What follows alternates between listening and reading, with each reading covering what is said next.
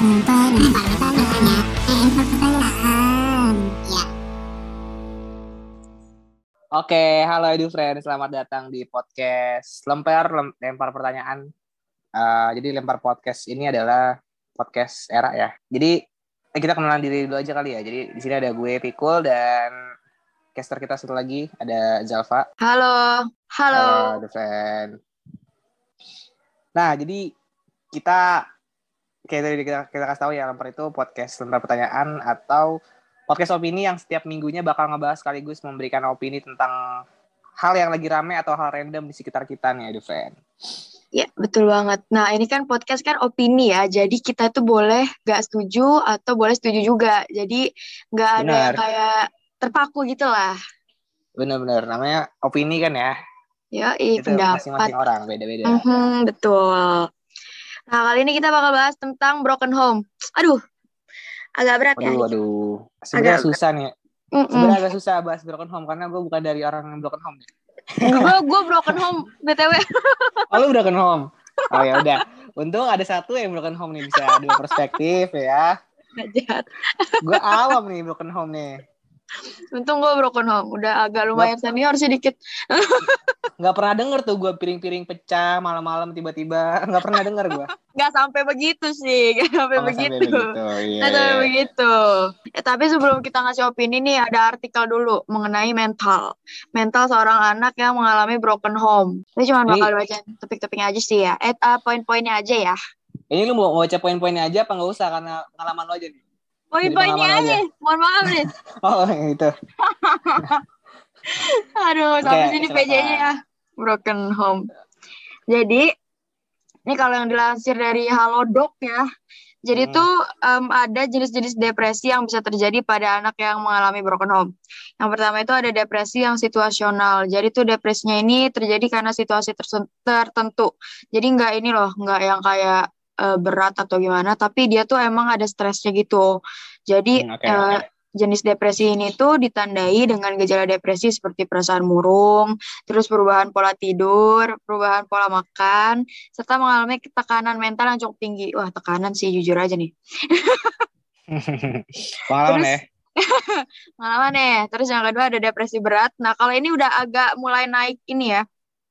Naik tingkat gitu ya. Kalau depresi berat tuh dia nih em, gejalanya tuh bisa mempengaruhi aktivitas sehari-hari gitu. Jadi bisa mempengaruhi kualitas dari anaknya itu sendiri gitu dalam menjalani kehidupannya gitu. Hmm. Terus bisa nyebabin trauma juga ya. Jadi penyebabnya itu bisa salah satunya tuh trauma. Kalau yang ketiga nih ada depresi kronis. Wah ini udah parah. Jadi jangka waktunya itu panjang kayak bisa sampai dua tahun atau bisa sampai tiga tahun. Itu tuh ber- eh, terjadi berturut-turut gitu kayak emang udah ditakdirkan untuk mengalami stres ini gitu. Hmm, oke oke. Nah kalau lo sendiri nih, lo udah di tipe yang mana tuh, Zal? Gue nggak tahu. Gue lebih ke kayak yang ya udah bodo amat Kan ada tuh yang sa- saking saking stresnya dia kating-kating tangan. Ah gue pernah, gue pernah. Kalau pernah. Tapi bukan gara-gara broken home kan, gara-gara putusin sampai. Bukan, beda. Kalau misalnya tentang broken home itu sendiri, gue yang kayak ya udah mau gimana gitu, mau digimanain. Hmm. Paling gue kayak nangis. Terus kayak Hmm. ya udah itu itu dulu ya, karena udah lama, udah lumayan lama juga ya eh, rentang senior. waktunya. Iya udah senior. Karena kan ada juga yang udah gede itu baru broken home ada juga kayak gitu kan. Ada ada ada, iya ya. Kalau gue eh, jadinya tuh eh, ini ya lebih ke beruntun gitu. Oh, Jadi, beruntun. Eh, jadi em, eh, apa ya ibarat tuh kayak putus nyambung putus nyambung gitu jadi gue kayak ya udah terus gimana Hmm. gue harus ngapain gitu lebih ke kayak ya udah terus gimana gitu ya intinya udah berdamai lah. Oh belum? Iya udah sih biasa aja kayak Oh, ya iya. udah ya udah jalanin aja emang mau gimana gitu Hmm, oke tapi oke. kalau lo sendiri nih lo Hmm. mengartikan broken home itu seperti apa sih? Kayak ini anak yang kena broken home pasti bandel ya gitu gitu apa karena gimana kan biasanya Lebih ke, gitu. lebih ke ngiri sih gue malah. kok ngiri sih? Anjir. Karena nggak tahu kenapa ya orang-orang yang yang broken home gitu yang yang yang orang tuanya udah nggak baik-baik aja biasanya biasanya sih ya biasanya dia lebih makmur hidupnya. Karena, karena dapat jajannya dua pasti dari emaknya juga dari bapaknya sih. juga gitu Emang iya sih dua-duanya, tapi tapi ya gimana dong pisah. Iya sih. Ya, satu sisi juga kasihan juga. Iya kasihan tapi ya enak juga sih. Enggak, maksudnya maksudnya Tapi ini kebanyakan ya dari sudut pandang gue ya kayak gitu sih. Kayak, aduh nih orang kok broken, broken home tapi makin makmur aja hidup ini. iya Banyak iya kayak gitu sih. gua. Tapi oh iya, tapi sekarang emang kayak broken home kayak bukan kata yang nggak familiar gitu nggak sih di kalangan orang-orang kayak pasti ada Hmm. aja orang temen lo atau siapa gitu yang kena broken home tuh pasti ada pasti Ada. ada nggak tahu kenapa kayak ya udah terus kenapa ya? terus kayak kayak ya udah nggak apa-apa gitu loh kayak ya Iya, udah biasa aja aja. kan Heeh. Orangnya juga kalau di tongkrongan juga biasa aja nggak kayak, aduh gue broken home nih, aduh gue ini iya nih. biasa aja Nggak sih kayak gitu, biasa aja. kayak bukan aib juga nggak sih Iya bukan aib lah jatuhnya. emang udah statusnya begitu udah Mm-mm. statusnya begitu gitu loh Dan biasanya tuh nggak kayak nggak pernah terang-terangan gitu kayak, eh gue broken home nih nggak. Kalau justru kalau misalnya kita pancing cerita, baru dia nggak ceritain. Gitu. Iya, baru dia cerita kalau kalau Ya, mau juga ya emang nggak buat usah cerita. juga sih. Iya, bukan, tapi bukan aib juga. Jadi kayak ya udah, juga ya. udah emang bagian dari hidup lo gitu. Lo harus hidup dengan itu ya udah. Iya. Tapi menurut lo sendiri nih, anak-anak yang broken home tuh bandel gak sih? Kayak kan ada ya, maksudnya kayak Ah. Orang eh, orang-orang nih yang kayak ih dia mau broken home pasti bandel lah gara-gara orang tuanya nggak nggak urus gitu. Oh, Suka ada macam- kayak gitu. macam-macam sih. Kalau kebanyakan teman gue ya, ya yang lurus-lurus aja lah. Yang justru karena karena mungkin ada gue, ada lingkungan sekitarnya, jadi nggak Mm-mm. parah ke situ. Gitu. Hmm. Ada juga tapi ada juga yang yang lampiasinnya jadi bandel gitu, jadi Hmm, iya ya. paling parah sih ada yang jadi make narkoba sih teman gue. Eh oh iya, oh parah sih Iya. itu sih. Ya mungkin oh, dia itu- belum bisa ber, itu orang-orang yang bisa berdamai sih menurut gue. Belum bisa Hmm, berdamai iya, iya. sama ya gitu sih. Nggak bisa komen juga gue. Ya sih, gue juga gak bisa komen kalau itu sebenarnya itu pilihan aja sih masing-masing kayak nanggepinnya kayak gimana juga. Kayak ya udah, Benar. lu mau mau jadiin hal itu baik atau jadiin hal itu ya buruk gitu loh. Mm, kadang ya juga apa broken home kok sebenarnya nggak buruk-buruk banget. Kalau misalnya lu perhatiin nih sekarang banyak stand up comedian yang personanya itu broken home gitu kayak jadi duit malah kan dari cerita pengalaman lu. Iya benar-benar ada juga yang lu. mm-mm, ada juga yang jadi pembicara-pembicara Nah, di webinar-webinar gitu. Apalagi sekarang Hmm. kayak lebih gampang ngasih online gitu kan. iya iya iya, gitu sih. BTW ini apa namanya? Artikelnya Hmm. namanya Halodoc ya. Mhm, Kalau belum tahu Halo- Halodoc itu jadi kayak artikel yang ke kita kayak curhat ke dokter gitu ya. Curhat ke dokter Iya. ntar, dijawab gitu kan. Iya. Hmm. Ada lagi sayangannya tuh yang baru, Halodeck. Lalu juga, lalu Halodeck juga. yang ngechat biasanya uh, abri-abri baru lulus, Ya. baru polisi-polisi baru lulus.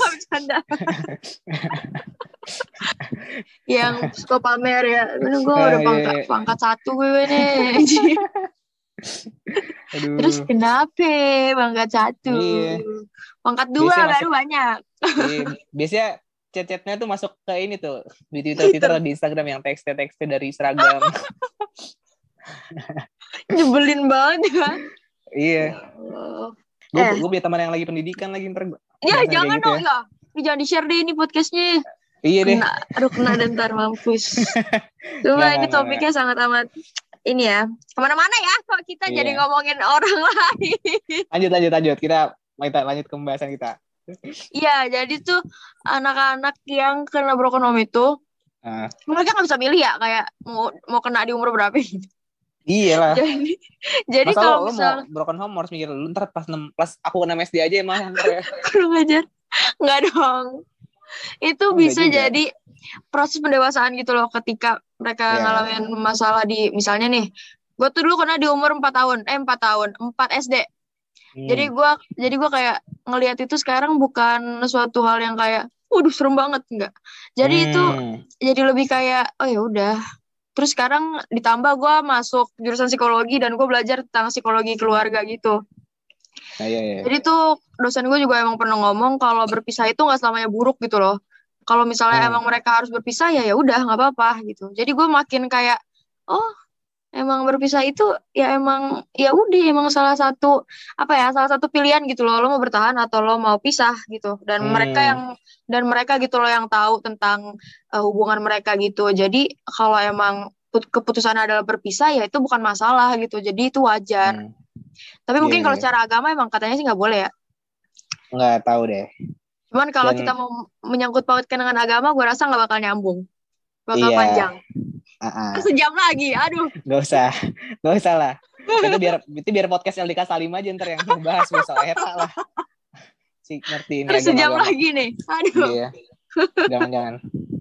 Tapi kenapa ya anak-anak justru i- iya sih banyak. Lu kan justru psikologi nih. Mm-mm. Nah, biasanya tuh anak-anak psikologi emang gitu tuh banyak yang latar belakangnya kayak gini kayak lu. Apa Iya. lu, lu teman-teman lu gini semua gak sih? Kayak Enggak belakangnya suram-suram gini. Enggak, enggak. Enggak. Em, gua kalau misalnya tentang eh, apa ya latar belakang hidup seseorang, gua nggak bakal nanya kecuali kalau dia cerita Hmm. duluan. Jadi gua Oh. nggak tahu. Enggak, tapi teman-teman lu, teman-teman yang lu kenal deh, yang di jurusan lo gitu. Enggak, sejauh ini sih baru gue. Oh, Gue gitu. juga gue juga kagak nanya sih. Paling kalau misalnya ada yang kayak yatim piatu atau yatim atau piatu gitu. Hmm, oke oke. Karena ada juga teman gue yang yang masuk psikologi karena eh, dia merasakan sebelumnya kayak lo. Jadi eh, apa ya? Jadi dia masuk ke milih psikologi gitu jurusannya. Berobat jalan. Oh bukan. Enggak. Punya latar belakang kayak lo lah mirip-mirip lah bukan Nah, makanya dia mau masuk ke jurusan psikologi. Oh gitu. Tujuan gue masuk psikologi apa ya? Lo apa? Masalah aja Karena- milih jurusan. Enggak, enggak juga sih. Enggak juga sih. Enggak. Sebenarnya dulu gue pengen masuk teknik, cuma Oh, enggak lolos. cuman anak teknik nggak ada yang broken home gitu. Apa Kurang gimana? ajar, kurang ajar. enggak dong. Oh, enggak, enggak. Emang sebenarnya gue juga emang pengen masuk psikologi karena mikirin kayak gue pengen keluar dari masalah gue. Tapi sebenarnya itu bukan jalannya sih. Kayak Hmm. eh, apa ya? Ya udah masuk emang karena ya pengen lebih dalam aja buat apa ya nge- ngegali lo tuh bisa menyelesaikan masalah dari berbagai aspek gitu loh. Jadi kalau lo punya Hmm. masalah dan lo cuma ngelihat dari salah satu aspek ya nggak bisa gitu karena banyak dan Iya, iya. bakalan bakalan apa ya bakalan bikin pikiran lo lebih terbuka gitu itu sih yang gue belajar jadi gue kayak Hmm. sekarang ya udah selalu, selalu aja biasa aja Bray santai Iya, aja iya, Bray Bener-bener. Tapi sebenarnya definisi broken home itu kan beda-beda ya. Ada ada orang yang cuman ribut dikit sama emaknya, masalah Tiba-tiba apa gitu. home. Aduh, gue broken home nih, update status. Kayak self apa namanya tuh bahasanya? Self proclaiming gitu. Kayak Ah, sebenarnya ya. gua sebenarnya dia nggak broken home cuman ribut biasa aja ribut kecil. tapi gue kalau kalau ngeliat orang kayak gitu sebenarnya nggak aneh sih. Sebenarnya wajar. Ibaratnya kalau misalnya dia kayak gitu kan misalnya dia share nih ke snap WA, snap WA gitu Ya, misalnya ya. itu pasti kan dia kan kayak apa ya ada perasaan dia tuh pengen dapat perhatian gitu dari orang-orang itu wajar Hmm. karena dia nggak dapat perhatian dari orang tuanya ya nggak sih Hmm, ya, ya, ya.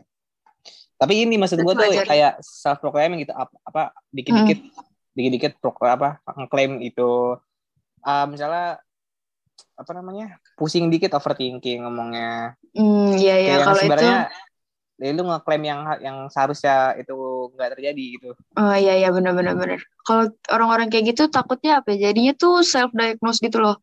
Misalnya nah, dia Mm-mm. gua. pusing sendiri, eh pusing sedikit tiba-tiba aduh gue depresi. Ah, itu nggak boleh. Itu Hmm. itu nggak baik banget sih jujur. Banyak yang broken yang broken home juga kayak gitu. Banyak, banyak ya banyak. Banyak. Banyak. Soalnya dulu kan broken home bentuknya banyak ya. Ada- Mm-mm. Nggak, maksudnya broken home bentuknya nggak cuman orang tua lo berantem dan cerai kan. Iya, Bisa juga hal kecil gitu kayak lu ribut sama kakak lu terus lu nggak ngobrol itu broken home juga tuh maksudnya tuh. Ya nggak? Oh gitu. Nggak tahu sih gue. Gue kira tuh em, cakupnya ke orang tua doang. Enggak sih, broken home tuh yang kan berarti keadaan rumah keadaan lingkungan di rumah lo di yang lo anggap rumah gitu itu ya, nggak ibarat. rusak nggak benar Ah, ah, iya iya iya benar benar benar benar benar. kayak Benar juga sih. Lu waktu itu eh, pernah dengar nggak kasus Britney Spears yang di sama bapaknya tuh Diapain yang dia? yang yang dia tuh dieksploitasi sama bapaknya selama bertahun-tahun Oh, nggak tahu itu tahu. itu itu terma- itu termasuk broken home juga sebenarnya Oh gitu. Heeh, dan dia tuh baru-baru sadar di akhir-akhir ini eh, bokap itu ternyata selama ini ngeksploitasi dia gitu itu termasuk broken home sih menurut gua Parah juga ya bokapnya. Mm-mm. Nggak benar tuh begitu. itu termasuk broken mana maksud gua eh apa namanya orang-orang kayak gitu tuh beneran broken home apa enggak gitu kayak jadi Hmm, self iya, diagnose gitu banyak Iya, takutnya self diagnose. Kalau kayak gitu ntar Mm-mm. jadi apa ya? Lu udah self diagnose terus di kayak disebar gitu kan kayak nggak enak gitu gak sih? Kayak iya nggak bagus gitu.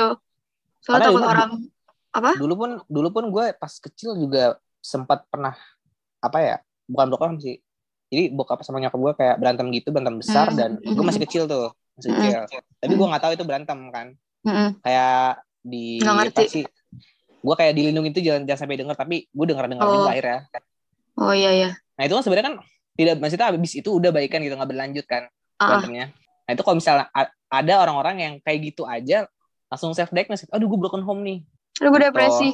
iya sedangkan gue waktu itu masih kecil kan masih belum ngerti dan Iya, gue nggak gue nggak nganggap itu broken home gitu karena emang baik-baik aja setelah itu Hmm, iya iya iya. Gue juga kayak gitu sih paling kayak baik-baik aja terus tiba-tiba hmm. ke sini, wah kok bisa rumah gitu. Hmm, itu mah udah itu udah, next level itu mah. itu mah udah bener home sih. itu mah udah udah bukan self diagnose lagi tuh orang yang yang diagnose itu. Oh ini orang broken home ini udah emang. Loh kok bisa rumah? Terus gue jadi iya. gue jadi kayak ya udah terus gimana nih? Terus gue mesti apa? ya? Ya udah biasa aja, biasa aja. Tapi lo sadarnya itu kapan? Maksudnya, aduh, gue broken home nih. Sadarnya Eh. pas emang pas proses lo udah sadar nih bakal bakal kayak gini nih akhirnya apa pas udah terjadi baru sadar oh ini gue broken home gitu. Em, sebenarnya eh, orang tua gue tuh belum cerai, jadi masih ada Hmm. hubungan pernikahan.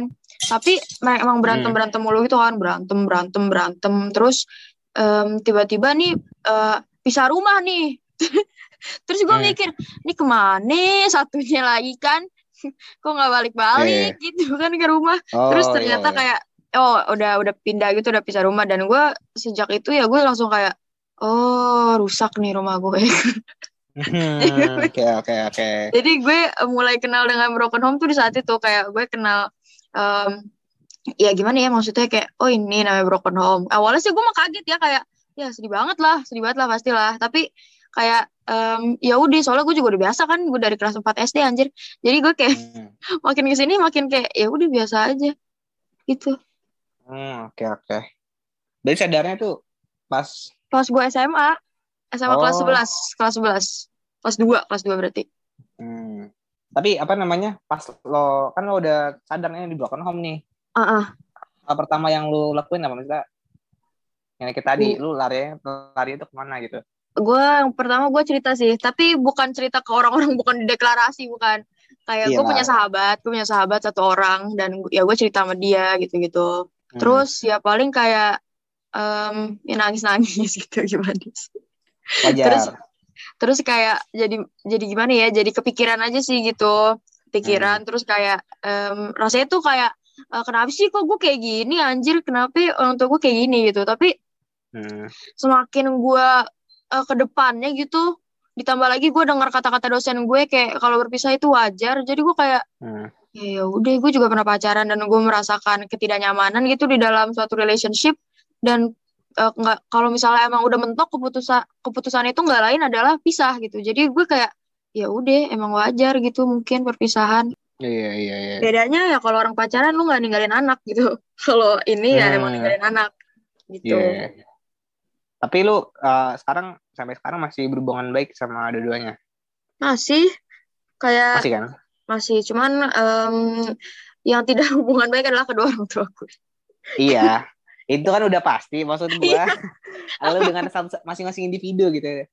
iya betul tapi kalau gue sans aja sih kayak ya udah Iya. karena yang namanya hubungan anak kan tidak akan putus ya. Nah, biasanya itu orang-orang kayak gini tuh akan udah berdamai, bisa berdamai tuh dengan bertemu orang-orang yang sama gitu. Hmm, Lu gitu iya juga tapi gue nggak ketemu orang yang sama sih Oh, nggak ketemu orang sama ya? enggak enggak teman-teman Iya, gue rata-rata alhamdulillah keluarganya harmonis. Teman juga alhamdulillah harmonis. Em, harmonis mereka baik-baik aja sih. Iya, ya iya, kadang iya. ya enaknya kalau misalnya em, apa ya kita jadi bisa bertukar pikiran gitu loh. Kayak Hmm. em, eh kalau gue begini kalau lu begitu. Kayak sama- Iya, sama-sama memahami aja gitu jadi dia juga berusaha untuk paham gue dan gue juga Iya. berusaha untuk eh, menghargai lah apa yang dia punya gitu Hmm. Iya sih. Dan lu nggak usah ngiri sih sebenarnya sama orang-orang yang harmonis. enggak Karena- sih gue nggak ngiri Karena belum tentu orang-orang yang harmonis tuh apa kalau berduaan sama bokapnya lagi duduk-duduk biasanya ngobrol tuh enggak biasanya tuh. oh iya bisa, bisa jadi sih bisa jadi sih kayak gitu Iya. sih Kayak gua. Oh gitu Karena kan gue bilang gua gue sebenarnya ngiri sama orang-orang yang broken home yang sebenarnya kalau- kalau personal itu dia masih ngomong masih bisa ngobrol. Kalau gue tuh ya iya ya gitu, ya walaupun harmonis ya. Mm-mm. Kadang kalau misalnya Oh, sebenarnya- sama bokap atau Hmm. nyokap masih canggung gitu kalau buat ngobrol. Hmm, gue juga Gitu. sempet canggung tapi sekarang selalu aja sih lebih selalu sih lebih selalu jujur aja Hmm, lebih iya, selalu iya. soalnya kalau misalnya gue misalnya gue em, punya cowok nih atau punya gebetan gue cerita ke Hmm. emak gue emak gue gak bakal ngadu ke bapak gue kalau bapak gue Hmm, iya, tahu iya. bapak gue bisa tidak setuju gitu loh paling anaknya kayak Hmm, gitu sejaga rahasia dia jadinya Iya, iya. Iya sih mau ngadu siapa juga ya kan? iya mau ngadu siapa ya siapa yang mau dengerin ya gitulah aduh namanya juga hidup ya Iya sih, benar-benar benar. Lanjut nih, apalagi bahasa kita? Tapi ini tentang ini nih, penga- eh, peran kasih sayang pentingnya peran kasih sayang orang tua terhadap perkembangan seorang anak. Ah, Penting sih ah. emang menurut gue. Ini gue juga belajar nih di di Psikologi. psikologi, ya. Gue juga belajar Iya, kalau peran orang tua tuh emang penting banget sebenarnya untuk perkembangan seorang anak. Cuman setelah apa yang gue alami dari dulu gue masih kecil kan, di saat gue Hmm. butuh butuhnya peran kedua orang tua dan gue harus mengalami hal itu, terus gue jadi eh, apa ya? Semakin gue dewasa, gue malah semakin kayak berpikir kalau oh ini adalah sebuah proses pendewasaan untuk gue sendiri gitu loh. Jadi Hmm, Eh, dari kan gue anak pertama ya terus gue punya Ya, ya. adik nih dua orang masih kecil-kecil kan jadi gue Hmm. em, mikir kayak em, emang sebenarnya ada impactnya ya kayak gue jadi lebih eh, jadi apa ya punya rasa eh, apa nggak nyaman kalau misalnya ada di eh, sekitar eh, orang tua gue gitu dulu ya ini dulu ya waktu Hmm. masih baru-baru banget gitu tapi gue jadi kayak semakin gue dewasa gue jadi semakin kayak mikir kalau oh ini adalah cara gue untuk menjadi lebih dewasa gitu gimana cara gue menghadapi masalah yang kompleks yang terjadi dalam hidup gue gitu loh jadi di situ Hmm. sebenarnya belajar gitu loh cuman mungkin secara gue Iya, nggak iya. sadar aja dan eh, diaplikasikannya itu kayak sekarang-sekarang gitu loh kayak lo punya kemampuan untuk bisa em, melewati suatu masalah yang kompleks dan menurut gue itu em, untuk usia anak 4 SD itu sangat amat berat ya bunda Iya. jadi tapi eh, setelah gue mikir-mikir ya nggak ada buruknya juga sih dengan cara itu gue jadi belajar untuk lebih dewasa di umur gue yang mungkin masih kecil Iya, iya, iya. ya nggak sih jadi kayak Hmm. orang-orang lain teman-teman gue juga lu, kan lu Apa? terpaksa harus sudah dewasa di umur segitu sih. Banyak emang. untuk menjadi dewasa Iya, iya benar-benar karena kasusnya nggak nggak hanya belum pernah aja. Ada yang misalnya kasusnya orang tuanya udah meninggal gitu, amit-amit ya. Mm-mm, iya iya iya Dia iya meninggalkan. Itu kan dia juga sama kayak orang broken. Jadi lu udah Iya. jadi seenggaknya leader lah di keluarga lo. Kalau Ah, misalnya ah, yang benar. konteksnya kalau ini bokap ya. Mm-mm, mm-mm. Apalagi kalau misalnya anak cowok, lu kan ini cewek ya. iya Dan lo bahkan tadi cerita masih punya adik tuh dua. iya dua masih kecil-kecil Mm-mm. Pokoknya jadi kepikiran aja sih Iya iya iya. ah sudahlah mau Jadi bagaimana tapi lagi lu di psikologi Oh, ya belajar belajar juga nggak? belajar apa Belajar maksudnya mengenai hal-hal kayak gini nih, kayak psikolog psikologi psikologi orang-orang yang bermasalah kayak gini gitu nggak? Eh, mungkin belum belum sampai situ ya. Gue lebih ke ini, Eh, lebih ke belajar yang kayak tentang konsep pernikahan, terus tentang konseling ad- eh, dalam perkawinan gitu. Jadi ibaratnya Hmm. kalau gue lagi belajar konseling perkawinan, nih gue kayak ngelihat kedua orang tua gue, gue kayak, nah yang gue harus lakukan gitu. Iya sih. Berarti ini ini, ini tuh sebenarnya masalahnya di apa pe- pemantapan atau pemikiran untuk siap dan atau tidak siap nikah sih ya. Karena- Hmm, bisa jadi. Untuk mencegah broken home itu kan berarti ya dari persiapan kematangan lo untuk nikah gitu. Iya, dan gimana cara lo mau eh, apa ya menghadapi masalah dalam pernikahan gitu? Karena kalau misalnya nggak kuat, ya udah nyerahkan Hmm. jadinya. Iya, jadi dikit-dikit jadi apa namanya ancamannya kayak cerai, terus kayak putus kalau kalau misalnya masih pacaran ya. Mm-mm, betul, betul banget jujur. Sebenarnya kalau iya jadi broken home tuh uh, bukan salah kita gitu, bukan salah kita sebagai anak. Iya, salah memang justru. salah mereka yang yang yang memutuskan mungkin terlalu dini ya untuk menikah atau Mm-mm, iya, atau emang kalian aja nggak cocok bang. iya mungkin nggak cocok atau ya eh, masalah yang kalian hadapi ini nggak bisa kalian selesaikan dengan cara baik-baik gitu loh. iya. Mereka tidak punya kapasitas untuk menyelesaikan masalah dalam hubungan gitu. Betul, betul banget. Jadi gue kayak ya udah mungkin banyak sudut pandang lah yang bisa dilihat Hmm. dan eh, tergantung lo nya mau ngelihat dari mana gitu. Mm-mm, Benar-benar. Ya kalau mau dilihat-lihat mah ya udah begitu aja mau gimana juga. Iya sih. Gimana Jadi berarti juga. konklusinya ya buat apa anak-anak muda nih paling ini untuk mencegah broken home ya harus ini sih harus Iya, memikirkan secara matang sih Mm-mm. untuk mengambil apa namanya keputusan untuk menikah apalagi menikah ya mungkin Iya, banyak menikah. anak muda yang mikir ah menikah mang. Cuman gitu doang. Cuman Iya. apa namanya? Nikah Ya kawin terus punya anak menghadapi rumah tangga gitu doang. Mungkin banyak yang mikirnya kayak gitu ya. Padahal di pernikahan itu ada unsur-unsur yang mereka belum tahu gitu. Iya, yang akhirnya ada menimbulkan konflik. Iya, masalah-masalah baru yang lebih berat gitu loh malahan. iya. Yang mereka sebelumnya nggak tahu nih di pacaran belum belum ada nih kayak gini-gini nih. Mm-mm, ternyata pas iya. nikah ada hal-hal yang tak terduga yang mereka nggak bisa selesaikan dengan baik gitu konflik-konflik yang mereka tidak tidak duga gitu kan. Ah, ah, betul banget, sumpah iya bener banget. gitu. Gimana Oke, cara mereka menyelesaikan masalah yang kompleks yang ada dalam pernikahan itu kan sulit ya. iya iya. Kayak orang tuh mikirnya ah ya udahlah nikah aja dulu ntar masalahnya belakangan.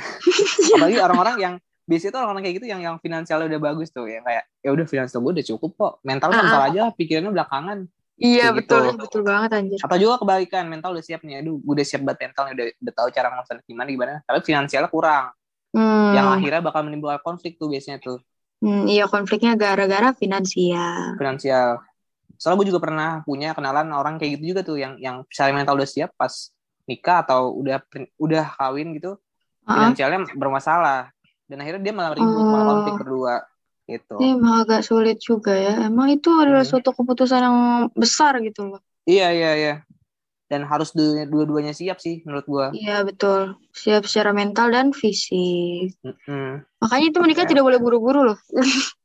iya iya menurut lo ini nikah tuh ada umur ideal nggak yang umur pelajarin umur sekitar 25 sih 25 sampai 27 menurut gua ya. 25 sampai Karena 27. di iya karena di Eh, itu situ itu cowok cewek cewek cewek 25 cowok 27. oh iya iya Kenapa kenapa gua kenapa gua naruh eh, laki-laki itu lebih apa ya lebih tua gitu?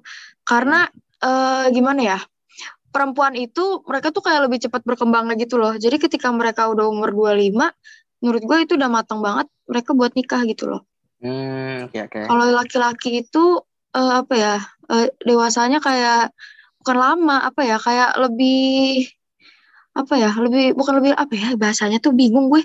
Pokoknya kalau laki-laki laki-laki itu harus kayak lebih tua gitu loh daripada perempuannya Iya, iya, karena paham, paham. ketika mereka seumuran atau mungkin beda dikit gitu bakal agak sulit gitu loh. Nanti Hmm. gimana ya? Takut kayak em, sama-sama belum bisa punya pemikiran yang yang lurus sama-sama lurus gitu. Hmm, Takutnya kayak gitu. iya, iya. Dan laki-laki juga kayak harus lebih apa ya? Ibaratnya biar dia pemikirannya juga jadi lebih luas gitu loh. Hmm. Nah, tapi justru menurut gua apa pernikahan itu nggak seharusnya ada umur ideal kalau menurut gua. Hmm, sesiapnya aja gitu. Se- Sesiapnya jadi kalau kata Raditya Dika ya dia pernah ngomong kayak gini nih. "Eh, nikahlah ketika dia orangnya gitu, keti- bukan ketika sudah waktunya. Hmm. Gitu sih. Ketika dia orangnya maksudnya ya udah lu udah bener nih ketemu sama dia udah, udah ketemu sama orang yang tepat gitu, bukan dengan bukan ketemu dengan umur yang tepat gitu. Hmm, iya iya iya iya. Iya sih sebenarnya itu berapapun sih. balik lagi sih, balik lagi ke pilihan lagi sih. Mm-mm. Lu mau nikah umur atau iya. mandang AP ya kan? Kita ba- jadi bahas lebih tepat. ya kan ini kita mau apa membahas cara meminim- meminimalisir broken home karena Oh, kita iya. nggak bisa dong meminimalisir dengan kita apa dengan posisi anak ya enggak nggak mungkin Iya anak iya betul kita betul salah betul. salahin atas broken home-nya orang tua gitu Iya sih betul banget sih. misalnya anaknya nggak mau jadi ini padahal bokapnya mau ini terus Ah, iya, iya. ternyata maunya lo jadi ini kan nggak bisa nyalain anak juga gitu kan Iya benar benar benar benar. gitu Keren juga nih partner gue. iyalah gue udah belajar buku parenting gue tadi sebelum Oh, baca gitu? sebelum podcast ini iya nggak, banget bohong, tuh bohong.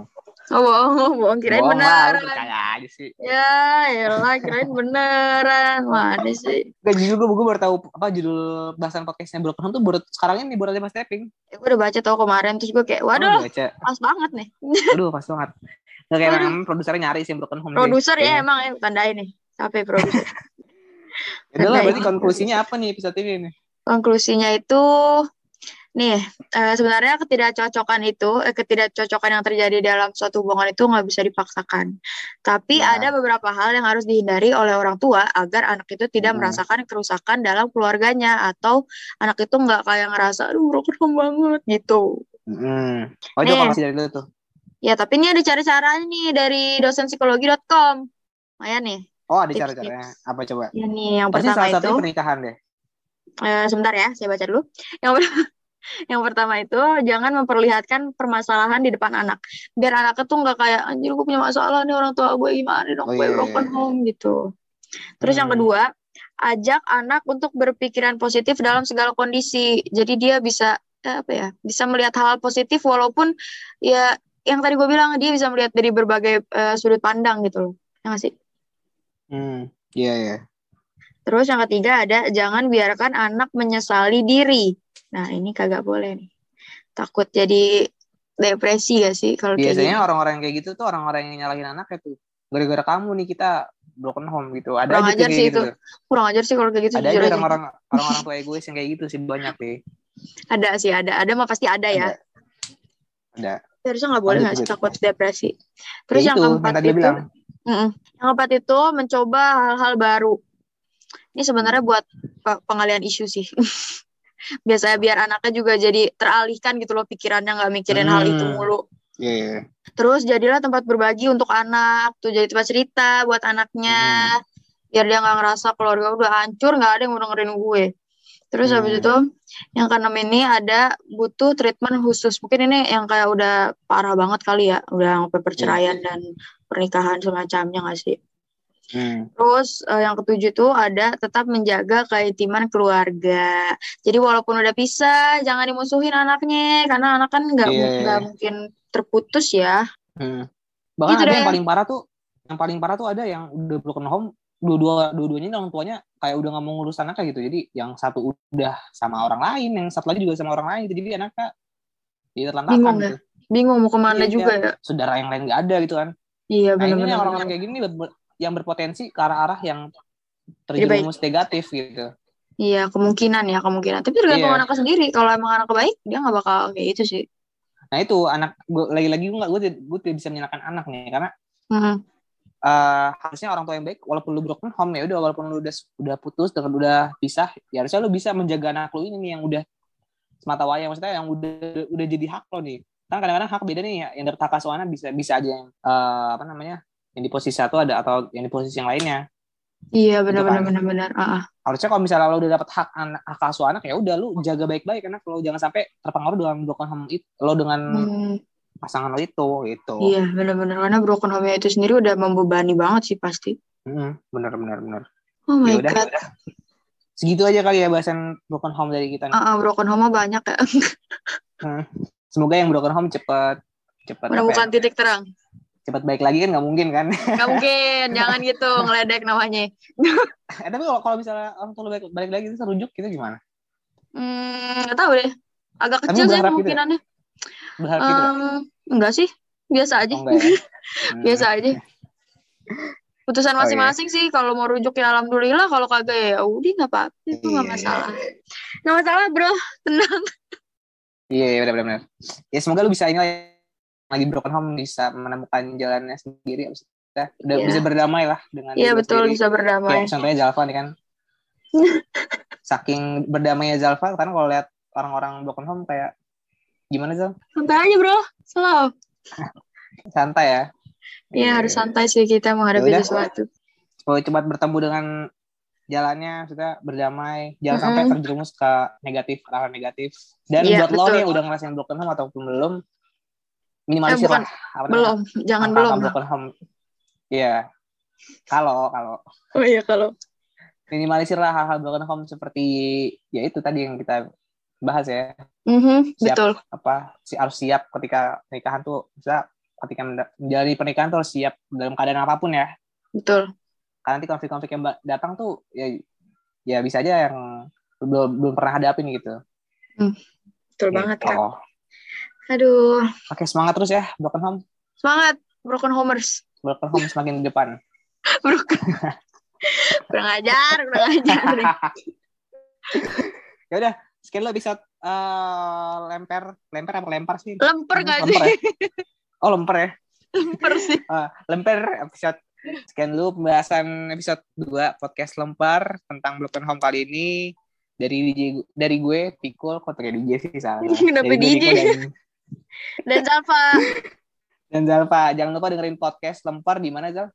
di Spotify.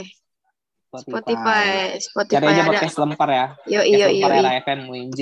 Betul. Sama terakhir nih, follow Apa sosial media kita di RFM WinJ WNJ. di Twitter? Instagram, Twitter dan TikTok. Oh iya ada Nama, TikTok. namanya asik. sama, namanya sama RFM WinJ semua. Iya di follow dong biar rame Follow ya. Oke, mungkin segitu aja episode 2 dari lem- podcast lempar kali ini. Gue Pikul pamit. Dan gue Zalfa juga pamit. Sampai ketemu di episode berikutnya. Dadah. Dah.